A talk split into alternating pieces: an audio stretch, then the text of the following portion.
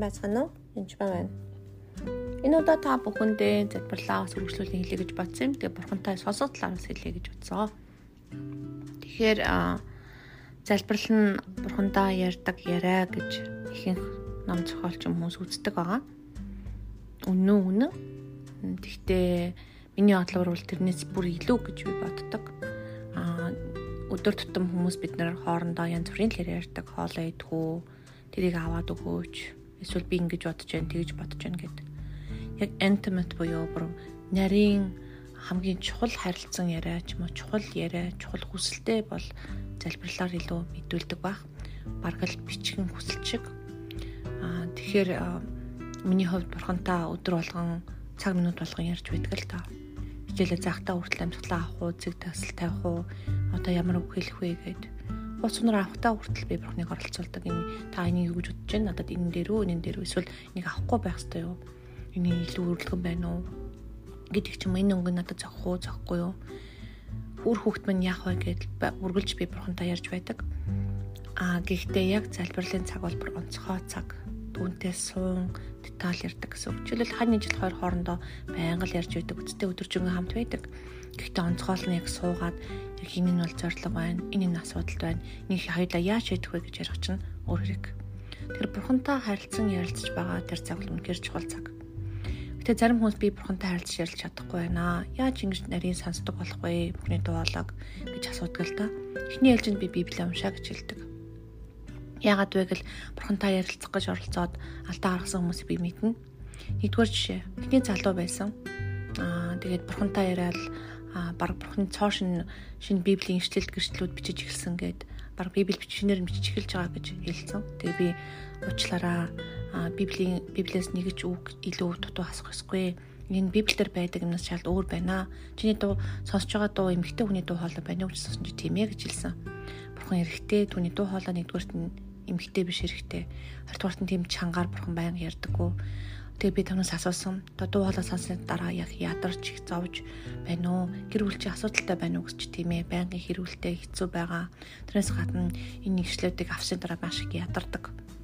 Тэг ихнэрийгээ байнга одоо цавааж би л бурхны дуу хоолой сонсдог чи сонсохгүй байх гэдэг юм уу? Ярьж ингэсэн. Би тэгээд маш хурдан болох хэрэгтэй. Надад ч чөтгөр байна. Над чинь девал байна. Болохгүй гэж хэлсэн. Анхандаа тэр залуу манд дургу байсан л та. Бараг л би мундаг иш үзүүлэгч болж байхад та канцллаа бараг л та өөрийгөө хин гэж бодоо гэж арай л уурлаагүй. Тэгээ түүний өөрт нь би түнд хэлжсэн ишлүүдийг хэлсэн ингээд ингээд болохгүй гэж хэлсний дараа тэр хүн залуу итгэсэн байгаа. Тэгээд аваа харцсангуу гайгүй болсон. Нөгөө нэг хүн болохоор эмэгтэй хүний жишээд ялж хэлж өгье.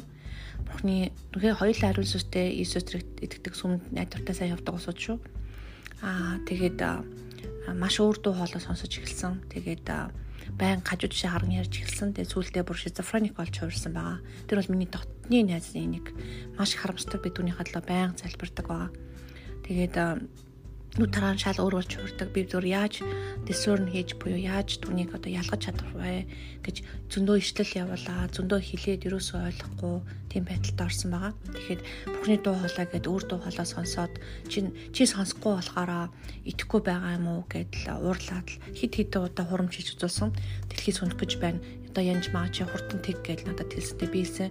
Дэлхий сүнх гэж байгааг хэн ч хэл мэдэхгүй нэгдүгээрх нь хоёрдугаарт нь Иесус ирэх гэж байгаагаа хинч мэдгүй хүүч мэдгүй ганцхан бурхан мэднэ чам бурхан хэлэх ясгүй гэж бурхан надад хэлсэн гэж хэлээд хэлсэн. Тэгэд үгүй Библиэлд энэ чинь байдаггүй зүйл гэж би хэлсэн. Тэгэхээр Библиэлд байдаггүй зүйлээр сүнс үг хоёрыг бурхан эзэж өөр өөртөө зөрчилддөггүй Тийм учраас ариун сүнсээр дуу хоолой авж байгаа ярьж байгаа болвол тэр нь библийн үгтэд зөрчилдөх ёсгүй. Тэгэхээр библийн үгээр бурхан яаж ярьдаг, юу хийдэг, юу хүсдэг гэдгийг сайн мэдсийн дараа дуу хоолой сонсож эхлэхгүй бол тэр нь их аюултай таныг үр төшн говьлох бас магадaltaй байдаг.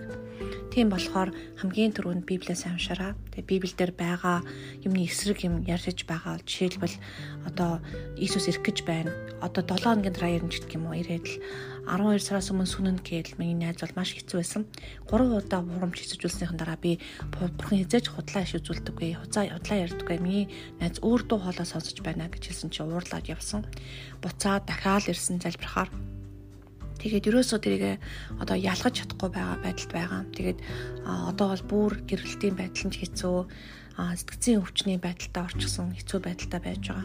Тэгэхээр янз бүрийн дуу хоолой сонсох гэж тэмүүлэхээс өмнө та Библийг сайн уншираа. Яг бол бурхан эхлээд үгээр Библийн үгээр бичигдсэн захиа бол хамаагүйгээр байдаг. Хин нэгэн гуйлахгүй амар байдаг.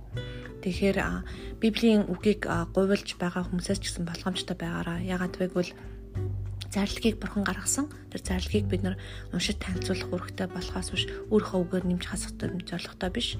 Тэгэхээр танд ч гэсэн зарлах нь гар дээр ч очсон буюу Библи тань дээр байгаа учраас уншаарай гэж хүсмээр байна. Тэгээ Библийн үгдэр бурхан ямар мөн чанартайг сайн тэдээс хайж болоорой. Тэгээд Библийн үгүүдээр бас нэлээд залбирч болно.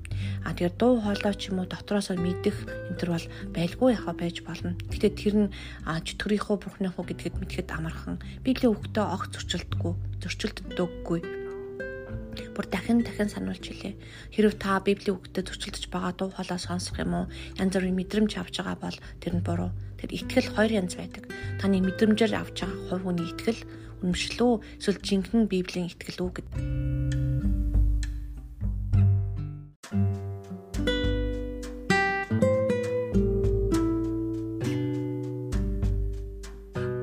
Итгэлэн сонсгоос сонсгоно хэрэгждийг үр ирдэг шүү Харин таны итгэл үнэмшил бол ямар ч байж болно.